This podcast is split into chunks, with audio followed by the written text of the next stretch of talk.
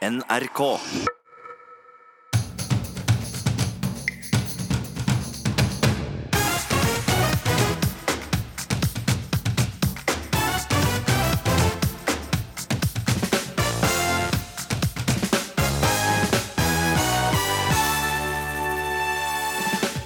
Norges rykte som konsertland står på spill, mener artist Unni Wilhelmsen etter at verdenskjente Robert Plant ba Bodø-publikummet om å holde kjeft. Nå har konsertarrangører lansert konsertvettregler. Godslig latter, men det har kanskje gjort at Bjørn Kjos har sluppet mer unna enn andre, mener merkevareekspert. Denne uka har Kjos gitt seg som toppsjef for Norwegian, selskapet som har blitt et av verdens største lavprisselskaper. Og redd biene ved å la gresset gro, oppfordrer bieforsker slå av robotgressklipperen. Det kan ikke være sånn at vi skal ha en konkurranse om å ha den flateste og mest velfriserte plena. La det heller vokse, la, la kløveren eh, komme opp. Hei og velkommen til ukeslutt denne lørdag 13. juli. Jeg heter Marie Roksund. I denne sendinga skal vi også høre at Jussbuss er kritiske til justisministerens forslag om å innføre spyttemaske i norske fengsler. Og stressdebatten ruller og går etter at Kamille-redaktør skrev om kvinner som skulker jobben pga. stress. En godt kjent latter gjennom mange år og en av norsk næringslivs sterkeste personligheter har denne uka gått av etter 17 år som toppsjef.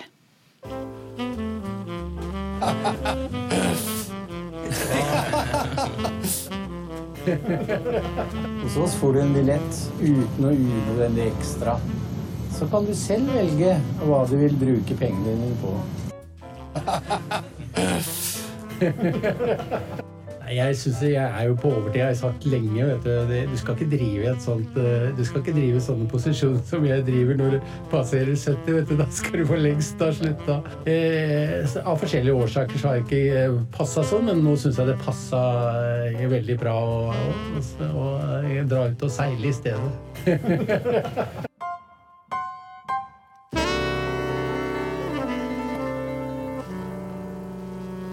Ja, Bjørn Kjos takka altså denne uka av som sjef i flyselskapet Norwegian.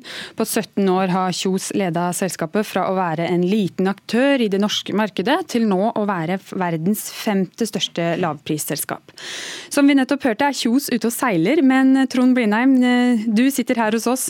Til vanlig underviser du i merkevarebygging på Høgskolen i Kristiania. Du kaller Kjos et næringslivsikon. Hva legger du i det? Nei, At han er usedvanlig kjent, og han er en fargerik person. Han har en eh, spesiell, spennende bakgrunn eh, for å lede flyselskap. Altså, han er jagerflyger, han er jurist og han er kriminalbokforfatter. Og Det betyr at det er en sånn fin kombinasjon av både fantasi som skal til for å skrive en bok, og det å sitte høyt oppe og ha oversikten over noe, samtidig som det å være god i forhandlingene. Så han har vært en sånn, eh, skal vi si, en slags Espen Askeladden i norsk næringsliv. Mm. Eh, og den nå tidligere Norwegian-sjefen han får jo mye oppmerksomhet nå når han går av. Hva forteller det deg? Altså, det er nesten sånn at jeg kan sammenligne det med hvis Mick Jagger plutselig sier at han vil slutte i Rolling Stones, så er ikke det det samme.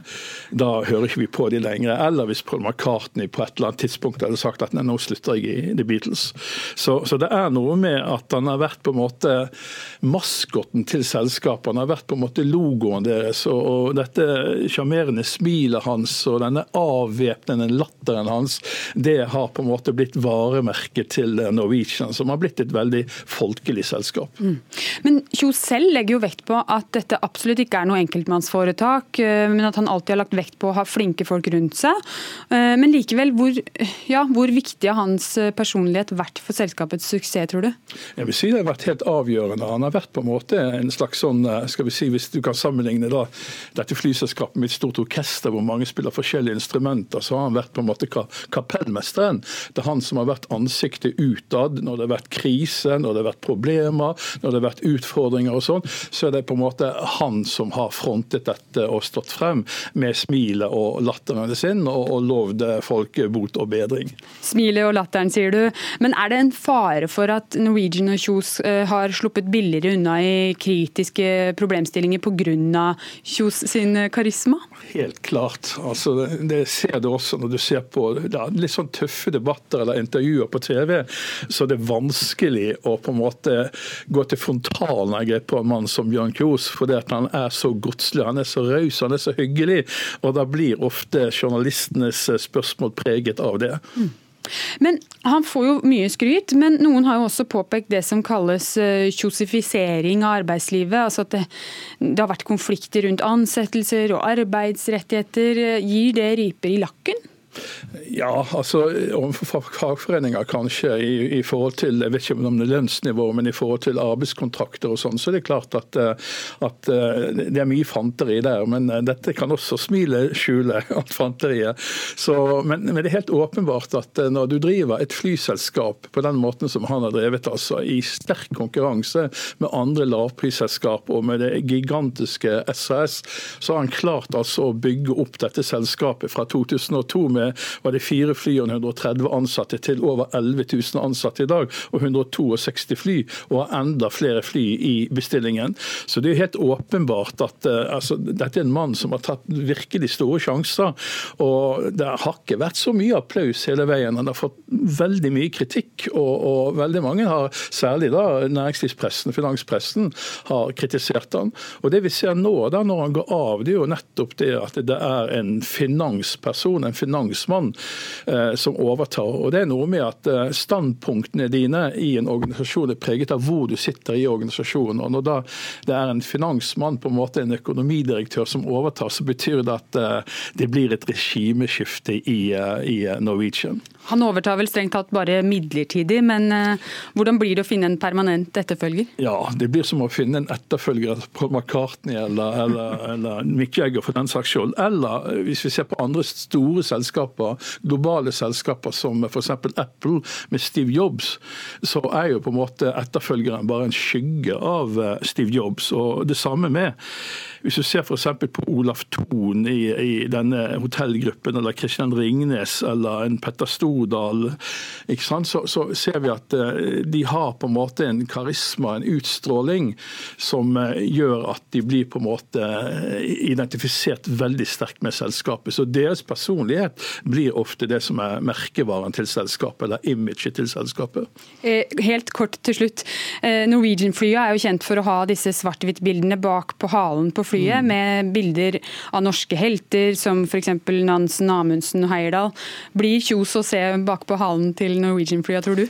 Ja, jeg syns det er en god idé. Og, eh, for det er ingen tvil om at etter krigen så er det kanskje den største næringslivslederen vi har hatt i Norge. Iallfall en av de største. Tusen takk til deg, Trond Blindheim, som underviser i merkevarebygging på Høgskolen Kristiania. Det skal handle om en stressa hverdag.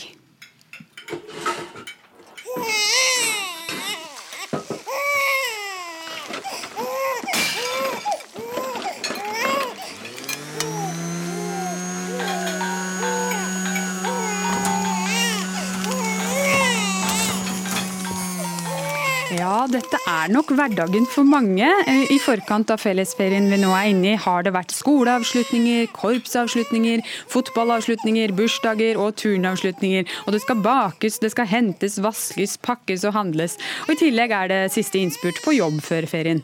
Alt dette har i sommer resultert i Snakkisen og emneknaggen Stressa 2019. En serie med kronikker i VG som alle handler om hvorvidt det er greit å skulke jobb noen dager, fordi det er så mye man skal rekke utenom. Astrid Mæland, du er kommentator i VG, og det var du som skrev at det ikke er smart å skulke jobben, og i hvert fall ikke å si det høyt. Hvorfor kan man ikke bare være ærlig hvis det faktisk er skulking man driver med?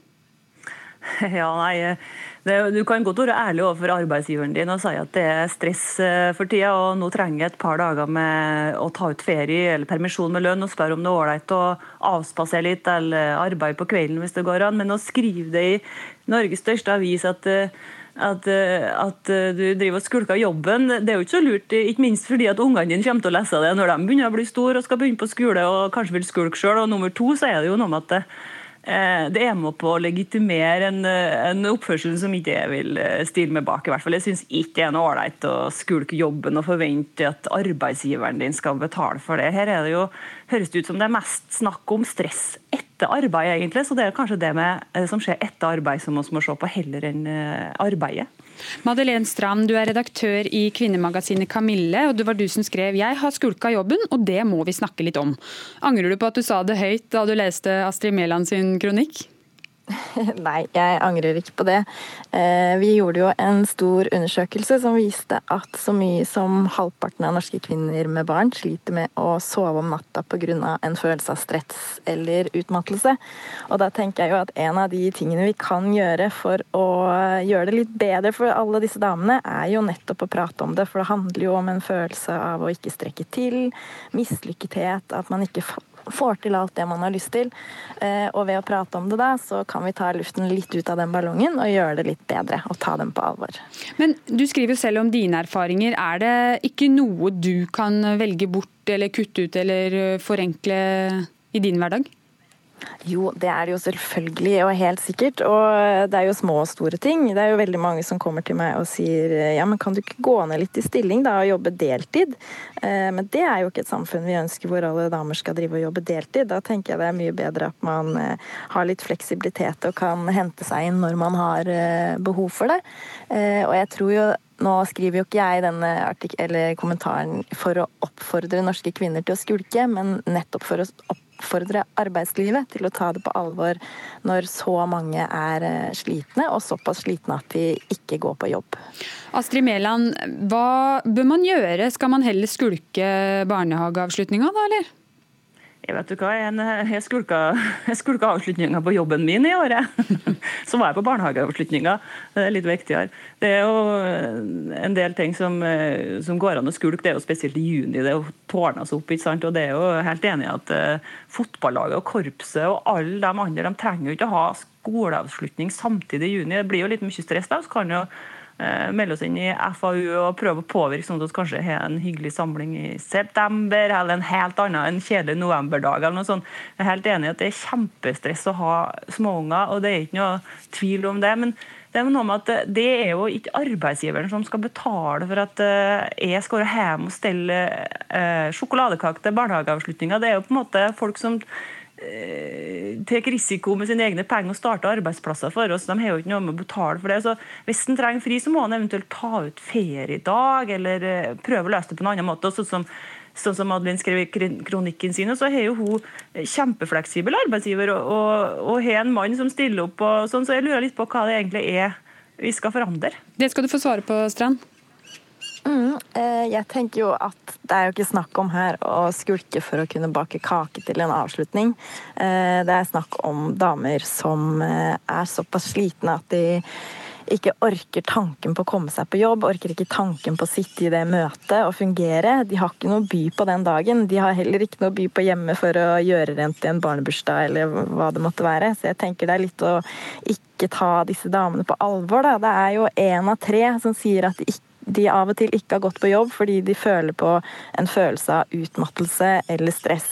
Eh, og jeg tviler på at dette er snakk om folk som blir hjemme for å bake kaker. Eh, det er nok litt mer alvorlig enn som så, tenker jeg da. Og hva som skal gjøres med det, det er jo kjempevanskelig. Eh, jeg skulle gjerne hatt løsningen på det, men jeg tror det å snakke om det, sånn at man føler seg ikke så alene i det, er kjempeviktig. Og så syns jeg også Elise Bjørnbekk Vågen, som skrev i VG, hun er fra Arbeiderpartiet, om tiltak de har lyst til å gjøre. F.eks. dette med at aktiviteter etter skoletid skal skje direkte rett etterpå, så foreldrene slipper å stresse hjem og hive middag på bordet og komme seg på fotballtrening. Sånne ting er kjempebra, og at man skal ha mindre lekser og barnehager nære hjemmet. Det er mange sånne små ting som kan bidra til helheten, men jeg tror jo det er utopi at vi kommer til å fjerne stress, men vi kan gjøre det litt mer levelig, da. Astrid Mæland, eh, nå har jo Madeleine Strand fått ganske mye støtte. Viser ikke det at dette kanskje er et litt større strukturelt problem? Jeg vet ikke hvordan strukturelt problem det egentlig er. Jeg er helt enig i alt hun sier om stress, og, og at vi godt kan snakke om stress. og det er helt ålreit, Men det som er poenget mitt er at en kan ikke forvente at arbeidsgiveren skal betale for at du er borte fra arbeid. og Nå skriver Madeleine i kronikken sin i VG at, at hun er stressa pga. at hun har glemt å kjøpe sprettyoghurt eh, og ligger våken og tenker på det. Og hun har noen andre eksempler som Eh, som ser ut som handler mest om liksom etter arbeidstid, og det er jo ikke arbeidsgivers problem. Og så er jeg helt enig i at det er kjempemye stress i hverdagen, og det er mange, helt sikkert mange småbarnsforeldre som kjenner seg igjen i det. men hvis det ikke går an å arbeide hos det er slik som hun beskriver at folk, både mødre og fedre, ikke orker tanken på å gå på jobb, så må han jo først og fremst snakke med arbeidsgiveren sin. Han må øh, kanskje få andre oppgaver eller få tilrettelagt arbeids hver dag. For slik går det jo selvsagt ikke an å ha ja. det. Eller så må han jo rett og slett være sykemeldt, og det er en helt annen prosess enn å skulke jobben. Strand skal få svar, på det. Må ja. få svar på det helt på slutten. Vær så god, Madeleine Strand. Ja, jeg tenker jo absolutt gå og snakk med arbeidsgiveren din om det. Og det har jo jeg selvfølgelig også gjort før jeg gikk ut i VG og sa at jeg skulket jobben. Eh, men det er jo ikke alle som kan gjøre det, og det viser alle tilbakemeldinger jeg har fått, og også mange av kommentarene som har kommet i, som tilsvar her, at det er ikke sosialt akseptabelt å gå og si at jeg er sliten, jeg trenger en pause. Og det er jo nettopp derfor vi må prate om det, fordi da får vi det opp, og vi gjør det mer alminnelig kjent at det er så mange som sliter med det. Og hvis det skal bli tatt på alvor og ikke bare handle om Toro-kaker og sprettyoghurter, så trenger vi å snakke om det. Eh, og det stresset er jo en totalitet. Det er jo ikke selvfølgelig ikke en sprettyoghurt som ødelegger livet mitt her. Det er jo totalen av alt som er presserende, og alt vi kan sykemelde oss for. Så tenker jeg jo at stress er noe av det mest tilknyttet jobben. At jeg f.eks. har vært ute en tur i helgen, hadde litt lite på meg, ble forkjøla, er hjemme mandag og kanskje tirsdag også. Det er jo mye mindre grunn til at min arbeidsgiver skal betale for det, enn stresset, som er selvfølgelig en del av skylda for at jeg føler på.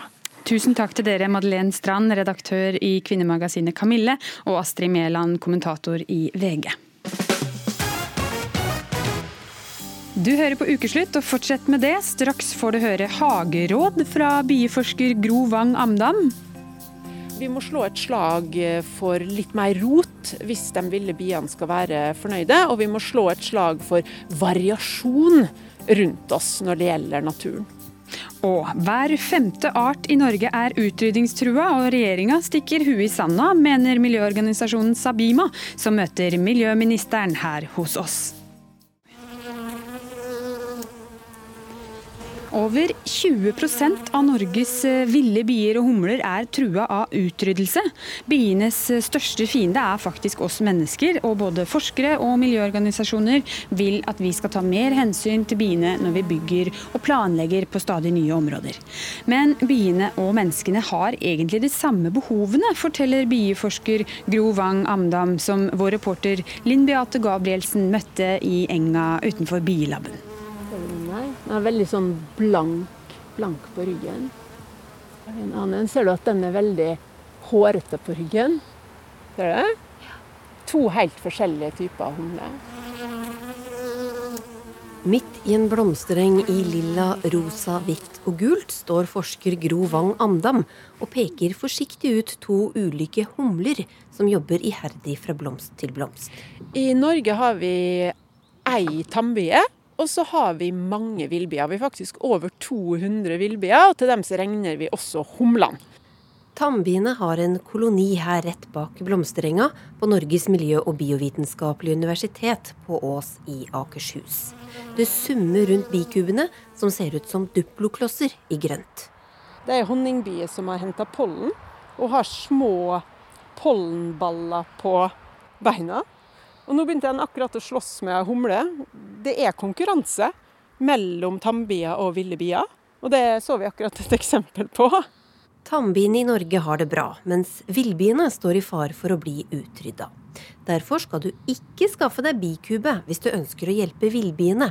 Men eh, Amdam har andre gode tips for dem som vil være en bievenn. I et bynært landskap, så slå av robotgressklipperen. Det kan ikke være sånn at vi skal ha en konkurranse om å ha den flateste og mest velfriserte plena. La det heller vokse, la, la kløveren eh, komme opp. Og vi må slå et slag for litt mer rot hvis de ville biene skal være fornøyde. Og vi må slå et slag for variasjon rundt oss når det gjelder naturen. Rotehjørnet begynner på en måte her, da. Ja. Og Der ser du at her gidder jeg ikke å klippe hekken. Ole Andreas Fuglesang har faktisk giddet ganske mye i hagen sin. Det er egentlig en um, kombinasjon av at jeg ikke gidder, men også at uh, alibi at det er bra for bier. Der, se her. Der ser du henne. Der holder de på. Her er mange blomster og et biehotell han har snekra sammen med familien. Men det vi også ser her, at det er toppetasjen som blir opptatt først. Du har kanskje sett de små kassene med tak? Fylte med rusk og rask og hule pinner som biene kan legge eggene sine i. Jeg hadde en opptelling i går, og da ser det ut som faktisk at det er over 50 boliger som er opptatt her nå. Det ser man jo, for de tetter igjen høla med leire. Så hvis man begynner å telle her, så er det ganske mange um, hull som er opptatt. Så er det litt morsomme, da, for at uh, det kommer en, en, som jeg tror er ny, da, så går han inn og så ser han på det ene hølet, og så syns han ikke det er noe særlig bra der. da, Så går han ut, og så går han inn i neste, og så som er helt likt. Og Så går han inn i nummer tre, og så syns han det er bra der, så begynner han å holde på. Da tenker jeg, altså Det er bora med fem millimeters bor i en trepinne, da, så det er jo ikke store forskjellen. det man bør gjøre, er å ikke sette biohotellet på en staur, men heller gjemme det litt bort i vegetasjon. Sette det på litt sånn utilgjengelige og usannsynlige plasser der særlig fugler ikke kan få øye på dem sier bieforsker Gro Wang Amdal. Hvem er bienes eh, verste fiender, da? Eh, nå er det jo oss, faktisk. Det Mennesker er bienes verste fiende. Det holder ikke med biehotell og rotehager om biene skal reddes. For eh, når byer skal bygges og næringer skapes, så taper som oftest biene. Det som vi som forsker på, på bier kan savne i forhold til hva myndighetene kan gjøre for, for, for biene, det er jo eh, fokus på arealer der bier er i dag, og hvordan de skal brukes eh, i framtida. For det, er mange interessenter i arealplanlegging, og biene har kanskje ikke fått nok plass så langt. Og det trenger ikke være en konflikt mellom måten mennesker bruker et areal på, og måten bier bruker et areal på. En tredjedel av maten vi spiser, kommer av planter biene har befrukta. Dør biene, så må dyrere løsninger til. Det vil si robotløsninger, det vil si håndpollinering som mennesker da må, må utføre. Men dette er dyre løsninger. Altså, sunne frukter og grønnsaker, blir det noe som bare folk som er ekstra god råd kan spise? Vi vil sitte igjen med banan og kornprodukt. Ole Andreas er med i NRKs konkurranse om å ha den mest bievennlige hagen. Han har et siste tips. Ta fram drillen. Hvis du har en gammel stubbe eller en gjerdestolpe.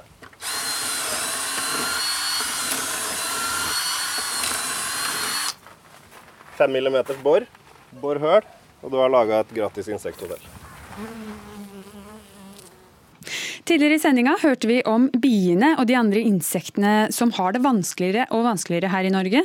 Det er faktisk sånn at 30% av maten vi spiser er direkte eller indirekte avhengig av bier. Vi kan ta noen grep selv for eh, insektene våre, men utbygging av veier og bygninger er noen av de største truslene mot insektene. Ola Elvestuen, du er klima- og miljøminister fra Venstre. Hva er utfordringene for insektene som bor her? Og det er eh, mange. Du skal jo snu en utvikling som har vært negativt gjennom mange år. Og så vet vi egentlig ikke hvordan eh, tilstanden er. Vi har hatt undersøkelser på humler og på dagsommerfugler i en del fylker over, lang, over, flere år. Vet at det går nedover. Nå gjør vi undersøkelser, eller vi, ser på metodene for undersøkelser for å sette i gang en større for hele landet, for å vite utviklingen. Men det er ikke noe tvil om at eh, ser du tilbake, og de som har erfaringer innenfor det som er og drevet med insekter gjennom mange år, så har det også gått nedover i Norge. Så dette er en utvikling som vi må snu. Mm. Og Som miljøminister så er jo du også insektminister, og du har faktisk et insekt oppkalt etter deg. Den heter um, Afelnius elvestueni, var det riktig? Afelinus elvestueni er ja. en snylteveps eh, her i Oslo-området som jeg er eh, veldig stolt av. Og, og, vi har jo satt i gang et arbeid. Vi har jo laget en egen eh, strategi for, for både humler og bier og andre pollinerende insekter, og har nå også et, et, et, en gruppe som jobber med hva er de neste tiltakene på dette. Og det er også Skogvernet er økt, det som går i utvalgte kulturlandskap jobbe mot fremmede arter som er en trussel mot insekter. Så det er mange av de tiltakene som er i gang. Men det vi trenger er å vite mer om omfanget av reduksjonen og hva som er nødvendig for å snu utviklingen. Kristian mm. Stiel, generalsekretær i miljøorganisasjonen Sabima. Du har skrevet i magasinet Harvest at eh, Norge tar ikke naturkrisa på alvor. Hva er det Elvestuen her ikke har eh, tatt inn over seg? Eh, jeg er helt sikker på at Elvestuen har tatt inn over seg at naturpanelet peker på det internasjonale naturpanelet, at dette er en global krise. Eh, de sier at en million arter kan dø ut, hvorav sikkert halvparten vil være insekter. Eh, og at vi har dette problemet også i Norge, at hver femte art står på rødlista her og kan forsvinne. At dette skyldes for nesten alle sammen arealforbruket vårt. Jeg er enig i noen av de tingene som Elvestuen peker på som er bra. At vi har utpekt flere utvalgt kulturlandskap, at vi verner mer skog. Men det er fortsatt langt igjen til at vi når de målene som Stortinget har sagt. Eh, det vil ta eh, flere tiår å komme i mål med skogvernet, som er viktig f.eks. For, for å stanse da de, tap av de skoglevende insektene. Eh, landbrukspolitikken eh, går etter vår, vårt syn i feil retning. At vi ikke tar godt nok vare på eh, den småskala, mangfoldige landbruket som er viktig for å holde kulturlandskapet og de blomsterrike arealene i hevd. Eh, og jeg synes også Det er ganske viktig å peke på eh, at Naturpanelet og mange andre sier at dette dreier seg om samfunnsøkonomien vår. Det er selvfølgelig trist når eh, vi får færre vakre sommerfugler og, og biene er hyggelige og sånn, men det dreier seg altså om penger, dette her. Naturpanelet sier at 10% av verdens økonomi går opp i røyk fordi vi taper og ødelegger natur. Ja, Elvestuen, hvorfor er det kommunene som skal bestemme om det skal tas hensyn til natur foran utbygging? Ja, for Det første, så det internasjonale bildet er vi jo helt enige i, og vi, må, vi, trenger å få en Parisavtale også for natur. Eh, ikke minst også at vi må gjøre så med klima, at vi mobilisere på alle nivåer. I denne reportasjen som ble vist tidligere, viste på en måte hva hageeiere kan gjøre. Alle som eier eiendom må ta sitt ansvar, men også kommuner må ta sitt ansvar fordi de har arealplanleggingen. Eh, og Der er det viktig at vi, vi støtter opp under det arbeidet gjør, det, både at du får nok kunnskap om hvilke kvaliteter som er eh, lokalt. Og så må jo vi også ha bedre overordna planlegging fra statens side, sånn at vi sikrer at vi ivaretar de viktigste områdene, og da sier nei til utbygging hvor det er eh, nødvendig. Men alle de enkeltvedtakene som gjøres, så er det kommunene som må ta et hovedansvar på dette. Men vi må få frem kunnskapen. Vi må mobilisere, akkurat som vi gjør også med eh, klimatiltak. Stil, er det godt nok eh, styrt overordna? Nei, dessverre. Fordi Riksrevisjonen, forskere, har pekt på at naturens rettsvern svekkes. At det blir tatt mindre hensyn til natur enn før. og Dette skyldes bl.a. at fylkesmannens rolle er blitt svekka. Det er ingen tvil om at kommunene spiller en viktig rolle og kommunene fatter de fleste vedtak eh, når det gjelder arealforvaltning. Men eh, tidligere var det sånn at bare 1% av sakene som kommunene har avgjort, havner hos regjeringen for avgjørelse etter at Fylkesmannen har satt ned foten. Nå er det tallet nede i en halv prosent. Og, i, tillegg til at færre saker kommer inn til staten, så blir også færre eh, av sakene blir Fylkesmannen hørt. Det bygges veier, det bygges hyttefelt i verdifulle naturområder for insekter og mye annet natur. Og dette sier ikke lenger da eh, staten nei til på samme måte som før. Eh, og Det er veldig urovekkende. Forskerne Riksrevisjonen peker på at naturens rettsvern svekkes. Mm. Og Vi snakker om bygging av veier og hus, ikke sant? Ja. ja. Men Elvestuen, blir ikke det litt som at eh, bukken passer havresekken hvis kommunestyret skal si ja til et nytt kjøpesenter, selv om det kanskje truer sårbar natur? da? Ja, Nå bør du ikke si ja til det nye kjøpesenteret. Vi vil passe på at de har den aktiviteten Men hvis det er i økonomisk motiv, da? Jo, ja, men det er derfor vi må ha, vi må ha bedre eh, kunnskap, og vi må bevisstgjøre de som er lokalt. Og Det er stor variasjon også på kommunene. Men jeg tror det er ingen som foreslår at vi skal ta eh, ansvaret for plan- og bygningsloven vekk fra kommunene. Og jeg tror heller ikke at det er viktig for oss å bruke innsigelsessystemet riktig, og staten skal si nei. og Sånn er det nå, akkurat som det har vært tidligere, eh, dersom det er nasjonale interesser går utover. Men du, kom, men du kommer ikke til å stoppe det som er en bitvis utbygging, bare ved statlige innsigelser. Da må det en mye breiere tilnærming til det som er arealbruk inne, mot, eh, inne også mot norske kommuner. Og Da må du få fram verdiene og det du kan gjøre, både for pollinerende insekter, men også for å ta vare på natur mer generelt. Og vi trenger også en bedre overordna planlegging for skogområder, for landbruksområder eh, i Norge. og der sånn ser vi også ulike modeller for, for helhetlige forvaltningsplaner, som vil være et nytt instrument i åra framover. Eh, Stil, hvor skal vi bare slutte å bygge hus og veier da, for insektenes skyld? Det skal vi ikke gjøre. Eh, vi trenger eh, på en måte ny infrastruktur og vi trenger flere boliger. Men vi må bli mye flinkere til å disponere arealene på riktig måte. Det er jeg sikker på at Elvestuen er enig i. Eh, og Det er for så vidt det du også sier, men, men vi trenger dette, måte, den statlige overvåkningsfunksjonen som nå er dessverre blitt svekka. Og så må vi altså gjøre, ta i bruk de, de verktøyene som, som, er under utvikling, men som det går altfor sakte. Altså, vi har lagd et system hvor kommunene kan lage eh, naturplaner. Eh, vi har testa det ut i noen kommuner, og eksperimentet er ferdig, men det, eh, eksperimentet er ikke videreført og satt ut i livet for alle kommuner. Kommunene må ha arealregnskap og, og på en måte jobbe i retning av å styre unna de mest verdifulle eh, områdene, sånn som f.eks. vi har gjort i Oslo ved å si at de ikke skal bygge i marka. Vi må ha mye mer av det på også andre naturtyper enn bare eh, bymarka. På eh, de insektrike arealene langs kysten, eh, artsrike, blomsterrike kulturlandskapet, verdifulle gammelskoger. Og vi mangler det verktøyet. Du skal få svare helt kort på det til slutt. Det Statlige ansvaret er styrka, men du må også få et, du må ta ansvar. Vi sløser for mye med arealer i Norge, det gjør vi på alle nivåer. Men vi må jobbe videre med det som er både det handlingsplanen for pollinerende insekter, vi driver med supplerende vern, vi handlingsplan mot eh, fremmede arter. Vi holder på med det skogvernet som er der. Så på område etter område så forsterker vi arbeidet i Norge, samtidig som vi tar det til internasjonalt ansvar. Vi sier takk til deg, vi må runde av der. Ola Elvestuen, klima- og miljøminister fra Venstre, takk til deg. Og takk til deg, Christian Stiel, generalsekretær i miljøorganisasjonen Sabima. Vi skal ha en nyhetsoversikt. Eh, Anders Borgen Werring? I eh, USA så er det frykt for at uværet Barry skal eh, gjøre stor skade. Barry er nå bare få mil sørvest for Louisiana, og regnet har allerede nådd land. Vindstyrken er målt til 100 km i timen, og president Donald Trump har erklært unntakstilstand i området. Hvilke andre saker preger nyhetsbildet i dag? Spesialenheten for politisaker skal undersøke politiet i Troms etter at en 23-åring ble funnet død i januar. Og det er moren til avdøde som har anmeldt politiet. Hun mener de ikke har fulgt retningslinjene for saker der folk er savnet. Og På nrk.no så kan du nå lese mer om at norske kvinner aldri har hatt høyere forventninger til å få barn. Det forteller fagfolk. De er stresset og vil helst bli gravide akkurat når det passer dem. Flere bestiller også time til eh, assistert befruktning før de har eh, prøvd å bli gravide naturlig. Denne helga er det 25-årsjubileum for Norsk countrytreff på Breim i Sogn og Fjordane. Der er du reporter Marita Solheim. Har eh, festivalfolket begynt å våkne? Ja, det har de. Altså, Festglade deltakere har lina seg opp med gamle og artige campingvogner her på Fjordhestgarden på Breim.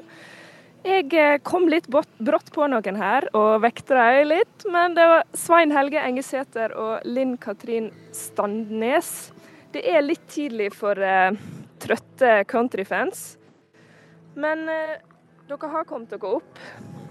Ja da, vi er, vi er klar for en ny dag og ny uh, dag på Breim og masse god musikk og folk og ja. Men hvorfor har dere tatt turen hit? Nei, det er jo stemninga, da. Eh, møter igjen masse gamle kjente og ja, koser oss med musikken. Og eh, festivaldeltakerne er jo eh, er gode eh, artister og koser seg på Prime. Det er jo en, en, alltid en opplevelse for å møte alle de gamle artistene man har sett før. Dere har jo en veldig stilig campingvogn, må jeg si. Det er jo det norske flagget målt over hele. Altså, hva er ideen bak dette? Eh, nei, jeg kjøpte jo vogna da eh, for 3000 kroner nå i, eh, for tre måneder siden. Eh, planen var å eh, male henne rød i redningsfarger. Jeg er jo en liten redningsmann. Men så var det så mye problem med å lage disse stjernene i, i, figurer og alt. Så da malte jeg bare hele vogna med i norske flagg. Emmylou Harris er jo det store trekkplasteret i år. Men er dere her for musikken, eller er det mest stemninga? Jeg vil nå si begge deler. Eh, for det er kjekt å høre god musikk, møte folk og ja, ja, altså Det er jo en del folk som prater på konsert. Tidligere i sommer så måtte Led Zeppelin-vokalist Robert Plant snakke til publikum i Bodø fordi de prater for mye. Har du opplevd dette? Nei. Men eh, er det et typisk norsk fenomen, tenker du? For der var det flere artister som var ute og sa i media. Jeg tenker vel bare at uh, mer artister, mer liv. Nei, men her på Norsk Countrytreff er det bare å glede seg til kveldens konserter. Jeg tror det hele vil toppe seg rundt eh, midnatt når Rotløs går på scenen. Og så får vi håpe at eh, folk oppfører seg, sånn at eh, konsertopplevelsen blir bra for alle. Ikke sant, Marie? Absolutt. Tusen takk til deg, reporter Marina, Marita Solheim, direkte med oss fra Norsk Countrytreff på Breim. Har du gleda deg til å gå på konsert med yndlingsartisten eller yndlingsbandet ditt, for så å få konsertopplevelsen ødelagt av publikummere som skravler høylytt og som tilsynelatende ikke bryr seg om å høre på musikken?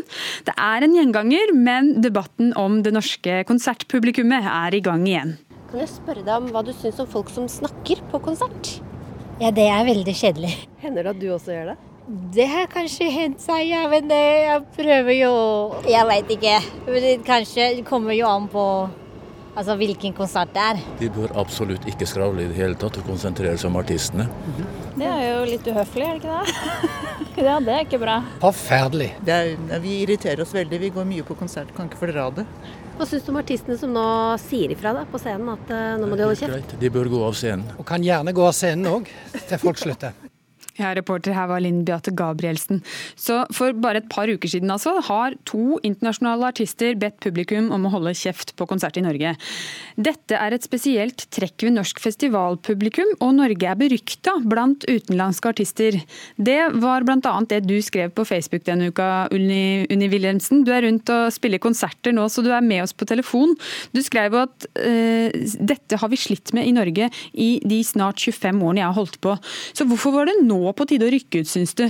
Dette har vi snakka om eh, mange ganger før. Eh, det er ikke den første sommeren jeg har blitt intervjua om dette, men dette er første gangen jeg Og jeg har skrevet om det før, og jeg, jeg har jo i 20 år prøvd å være med på en slags utvikling her, eh, som jeg har hatt stort hell med, må jeg si. Men, men det var akkurat denne gangen hvor jeg tenker at det er mye lettere som norsk musiker som, som lever av konserter i Norge, det er mye lettere å på en måte dele den, eh, det synet fra de internasjonale folka som advarer hverandre mot å komme hit. Altså Det er noe som går litt hjem.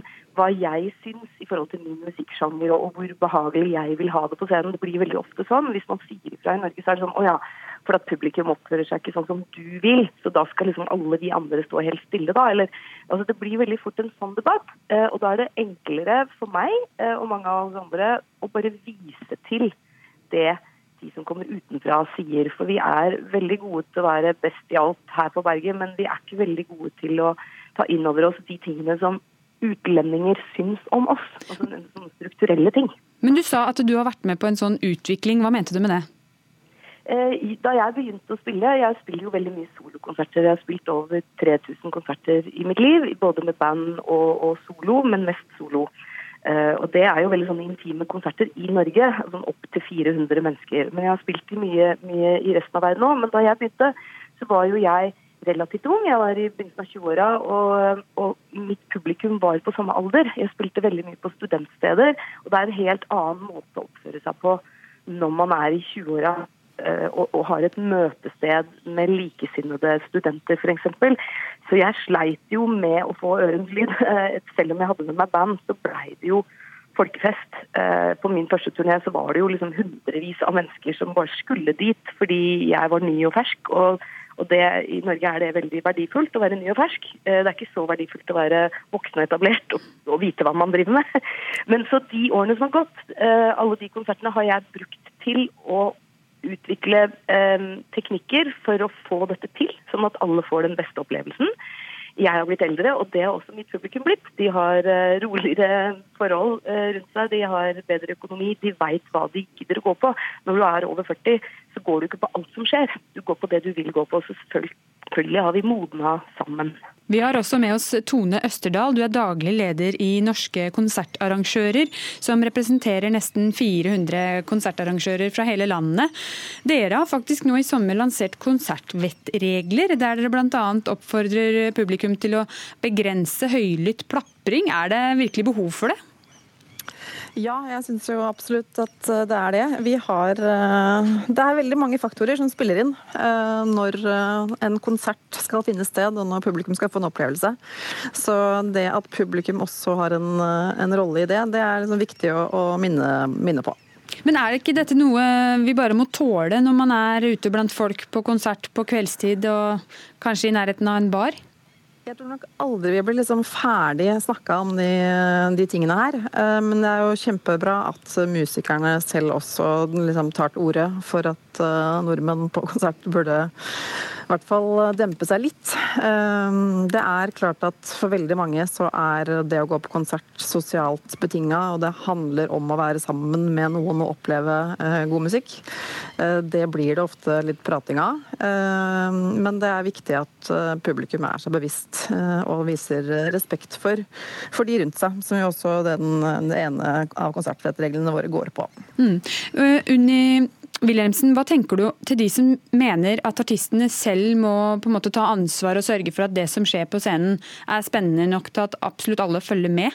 Altså, det, er, det er, flere ting å si om det, jeg skal ikke dra det veldig langt. Men i utgangspunktet så blir det veldig lettvint hvis du er en, hvis du er en publikummer som mener at bare produktet er bra nok så oppfører vi oss ordentlig. Altså Det faller jo på sin egen urimelighet. Fordi altså, Det betyr jo at du, da skal du kunne snakke på kino, da, hvis, filmen, hvis ikke du liker filmen. Så skal du kunne eh, påføre ditt verdisyn på folk rundt deg. Altså, det er jo, alle må jo på en måte feie for sin egen dør. Eh, og hvis du har altså Det virker som om det er en del folk som jeg har diskutert med på Facebook, som, som, som tror det er tilfeldig at man havner på en stor festivalscene i Norge. Altså Hvis du er forespurt om å spille på festival i Norge, så har du veldig mange år bak deg antageligvis med hardt arbeid, eller du har blitt uh, eh, oppdaga fordi du har unike talenter. Altså, det er jo ikke sånn at, vi, at, vi liksom, at hvem som helst står der oppe. Så hvis du først har kvalifisert deg og kommet så langt at du står på en festivalscene i Norge, så er det rimelig å anta at man har et, en kundebase eller en, en gjeng med publikummere som har sørga for å få deg dit. Eh, så vi er jo ikke løsrevet fra publikum, det er jo de vi lever av og for. Men, men det er jo det å legge ansvaret på artisten hvis du på en måte er invitert til Roskilde, så er du god nok. Da er det nok folk som liker det du driver med, og da må jo folk ta liksom ansvar for, for, hvordan de oppfører seg. Det, det som er litt spesielt i denne saken, er at når utenlandske internasjonale stjerner sier at Norge er litt unikt, på godt og vondt, og vi helst ikke vil høre på den, den vonde, altså vi vil ikke høre på, på baksiden av den medaljen, så, eh, så, er, det, så er, det, liksom litt pussig at, at, man legger ansvaret på artisten. da.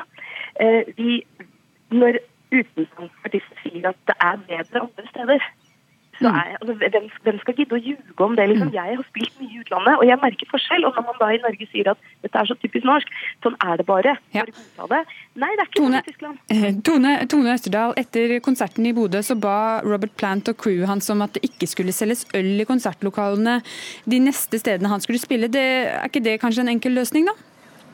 For de som har mobile barer og muligheten til å gjøre det, så er det selvfølgelig en, en eh, god idé. Altså sånn mobile barer, altså barer Ja, altså flytter som kan, barer som kan flyttes da, ja. til et annet rom, eller som kan settes opp et annet sted i en foyer eller noe sånt, så er det selvfølgelig en, en god ting å gjøre på mer sånn lavmælt musikk, som trenger mindre støy enn andre typer musikk.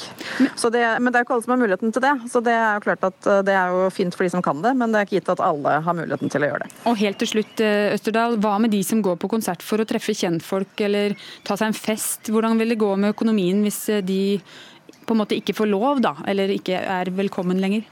Nei, det er dessverre sånn at gjennomsnittskonserten i Norge den går i underskudd. Sånn at spillestedene er helt avhengig av inntekter fra barsalg eller offentlig tilskudd. Så det er klart at vi, for at konsertøkonomien skal gå rundt, så er vi også avhengig av at noen går i, i baren og handler. Men det er klart at det må vi alle ta ansvar for at gjøres på en så skånsom og fornuftig måte som mulig. Tusen takk til deg, Tone Østerdal, daglig leder i Norske konsertarrangører, og til deg, Unni Wilhelmsen. Du hører på Ukeslutt, og fortsett med det. Da skal du få høre mer om disse sakene. Å sette spyttemasker på innsatte i fengsel vil bare skape mer sinne og virke mot sin hensikt, mener Jussbuss, som er kritiske til justisministerens forslag om å innføre spyttemaske i norske fengsler. Og mange unge funksjonshemmede opplever å bli avseksualisert, sier nestleder i Norges Handikapforbund Ungdom, som vil ta tilbake begrepet sommerkroppen. Denne litt ubehagelige lyden er noe norske fengselsbetjenter opplever mer og mer. De blir rett og slett oftere spytta på når de jobber. Justisminister Gøran Kalmyr fra Frp sender nå et forslag til lovendring om bruk av spyttemaske. Det vil virke mot sin hensikt og heller skape mer sinne blant de ansatte, mener foreningen Jussbuss. Vi skal ta denne debatten straks, men først justisminister Gøran Kalmyr. Du har selv prøvd maska. Kan du prøve å forklare forklare hvordan den ser ut og hvordan den eh, fungerer? Jeg må bare understreke at det er så vidt hatt den på meg, og det kan overhodet ikke sammenlignes med å f.eks. få den på seg ved hjelp av tvang. Eh, men det er rett og slett en maske man kan eh, godt puske, puste igjennom. Eh, dette er en maske som skal forhindre at du kan spytte på andre. Og den har blitt brukt av politiet i ulike sammenhenger. Så det er jo en maske som man har prøvd ut i lengre tid. Og så er jo hovedpoenget her nå det er at de ansatte skal få en mulighet til å verne seg mot f.eks. smittefare ufarlige fanger som kan bruke av og til spytting som trussel, eller gjennomføre spytting, eh, fordi at eh, de har en aggresjonsnivå. Eh, dette er jo ikke et tiltak som vi ønsker skal bli gjennomført ofte i norske fengsel. Dette kommer til å være det helt unntaksvise, at man er nødt til å bruke den type maske. Men det at man har i hele tatt muligheten til det, tror både vi og de ansatte er viktig. Disse spyttemaskene er ikke veien å gå, mener Jussbuss, som består av jusstudenter som gir gratis rettshjelp, bl.a. til innsatte i norske fengsler. Det kunne vi lese i VG denne uka. Sunniva Yde Aksnes, du jobber i denne fengselsgruppa. På hvilken måte mener dere i Jussbuss at disse spyttemaskene vil virke mot sin hensikt? Jeg vil bare starte med å si at jeg er helt enig i at de ansatte ikke skal oppleve å bli spytta på på jobb, og at det må tas på alvor. Eh, men vi i Jussbuss mener at dette her ikke er veien å gå, eh, og det er flere grunner til det. Eh, for det første så mener vi at dette her er et veldig inngripende og nedverdigende tiltak. Som vil føre til mer aggresjon og frustrasjon blant innsatte, fremfor å roe situasjonen. Vi må tenke på at dette her er folk som befinner seg i en veldig vanskelig livssituasjon veldig mange innsatte, eh, opptil halvparten av alle innsatte i norske fengsler, eh, har en form for psykisk lidelse. og Man må derfor behandle de som de sårbare folka de kan være, og deretter. og så vil det også være viktig å jobbe forebyggende og heller gå i dialog fremfor å benytte mer tvang. og så tenker vi at Dette her også er en form for brannslukking. at det er en kortsiktig løsning på et mye mer dyptgående problem. Eh, som nettopp gjelder at eh, vi mener at det skjer en svekkelse av norsk kriminalomsorg. Eh, Sivilombudsmannen kom i juni med en særskilt melding til Stortinget hvor det retter sterk kritikk mot norske fengsler for altfor mye bruk av isolasjon, og at det er altfor lite tid i fellesskap. Og dessuten så, Sånn vi leser det forslaget, så ønsker regjeringa å senke terskelen for fengselets adgang til å benytte de aller fleste typer tvangsmidler. Og Det mener vi er et skritt i helt feil retning. Eh, og det er ikke det som skal til, altså mer bruk av tvang, eh, for å sikre mer rehabilitering. Noe som regjeringa har uttalt at de ønsker. Kalmyr, du skal få svare på det. Ja, Vi ønsker mer rehabilitering, og derfor så bevilger vi nå over to milliarder kroner til nye fengsel. Fordi at Det som Sivilombudsmannen også pekte på, en viktig årsak til at man har for mye isolasjon, det er jo nettopp eh, dårlige fengselsmasser. Eh, og så klart at Du har et fengsel som ble bygd i en helt annen tid, eh, hvor det var bare å sette opp et bygg og så omgjøre mest mulig celler i det fengselet. Da er det vanskelig å drive med rehabilitering. fordi at det er altså så tungvint å drifte noen av disse fengslene vi har i dag at det, det, mest lønnsomme er rett og slett å bygge helt nye fengsel, der du har en helt annen driftsmulighet, som gjør at de ansatte får mye mer tid med fangene. Eh, og Derfor så bygger vi et nytt fengsel i Mandal og Froland. Eh, og vi har også sagt at vi skal bygge et nytt Oslo-fengsel, fordi at det er helt nødvendig for å sikre eh, den gode rehabiliteringa som vi ønsker å få gjennomført. Men dette er store strukturelle tiltak som vi gjør samtidig som at vi også gir økt beskyttelse til de ansatte i fengselet. For vi må tenke begge tanker samtidig. Yde Aksnes, eh, tenker dere i Jussbuss at eh, nye fengsler vil hjelpe? Vi tenker absolutt at det er et behov for nye fengsler. fordi akkurat som Kalmøy sier, så er det et problem eh, med altfor dårlige fengsel som ikke er tilrettelagt for soning i fellesskap. Men man kan ikke komme seg unna at bemanningssituasjonen er kritisk i norske fengsel. Og dette her er ikke noe bare vi i Jussbuss mener. Dette her sier både Sivilombudsmannen, det sier eh, fagorganisasjonene og de ansatte sjøl som vi snakker med. At det som er det viktigste i rehabiliteringa, det er at man har kontakt mellom ansatt og innsatt, og at man har nok bemanning på jobb.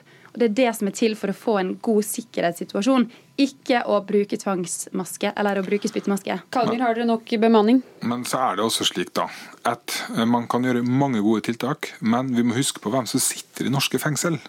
Det er jo ikke akkurat de stilleste typene.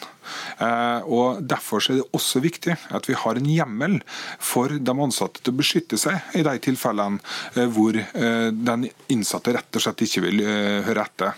Og Det skjer uansett hvor god vi kommer til å bli på rehabilitering rehabilitering. Uansett hvor mye tid vi kommer til å ha med ansatte med innsatte, så vil det alltid være personer i norske fengsel som rett og slett ikke bryr seg noe om andre medmennesker, og som kommer til å uh, gå utover den grensen og f.eks. spytte eller utøve vold mot norske fengselsbetjenter. Ja, og da må de ha hjemmel til å beskytte seg. Ja, Yde Aksnes, Det er jo ikke akkurat en menneskerettighet å spytte folk i ansiktet. Er det ikke rettferdig overfor fengselsansatte at de kan slippe å få spytteklyser i ansiktet på jobb? Jo, vi er jo helt enige i at de burde slippe slutte å få spytteklyse eh, eh, i ansiktet når de er på jobb.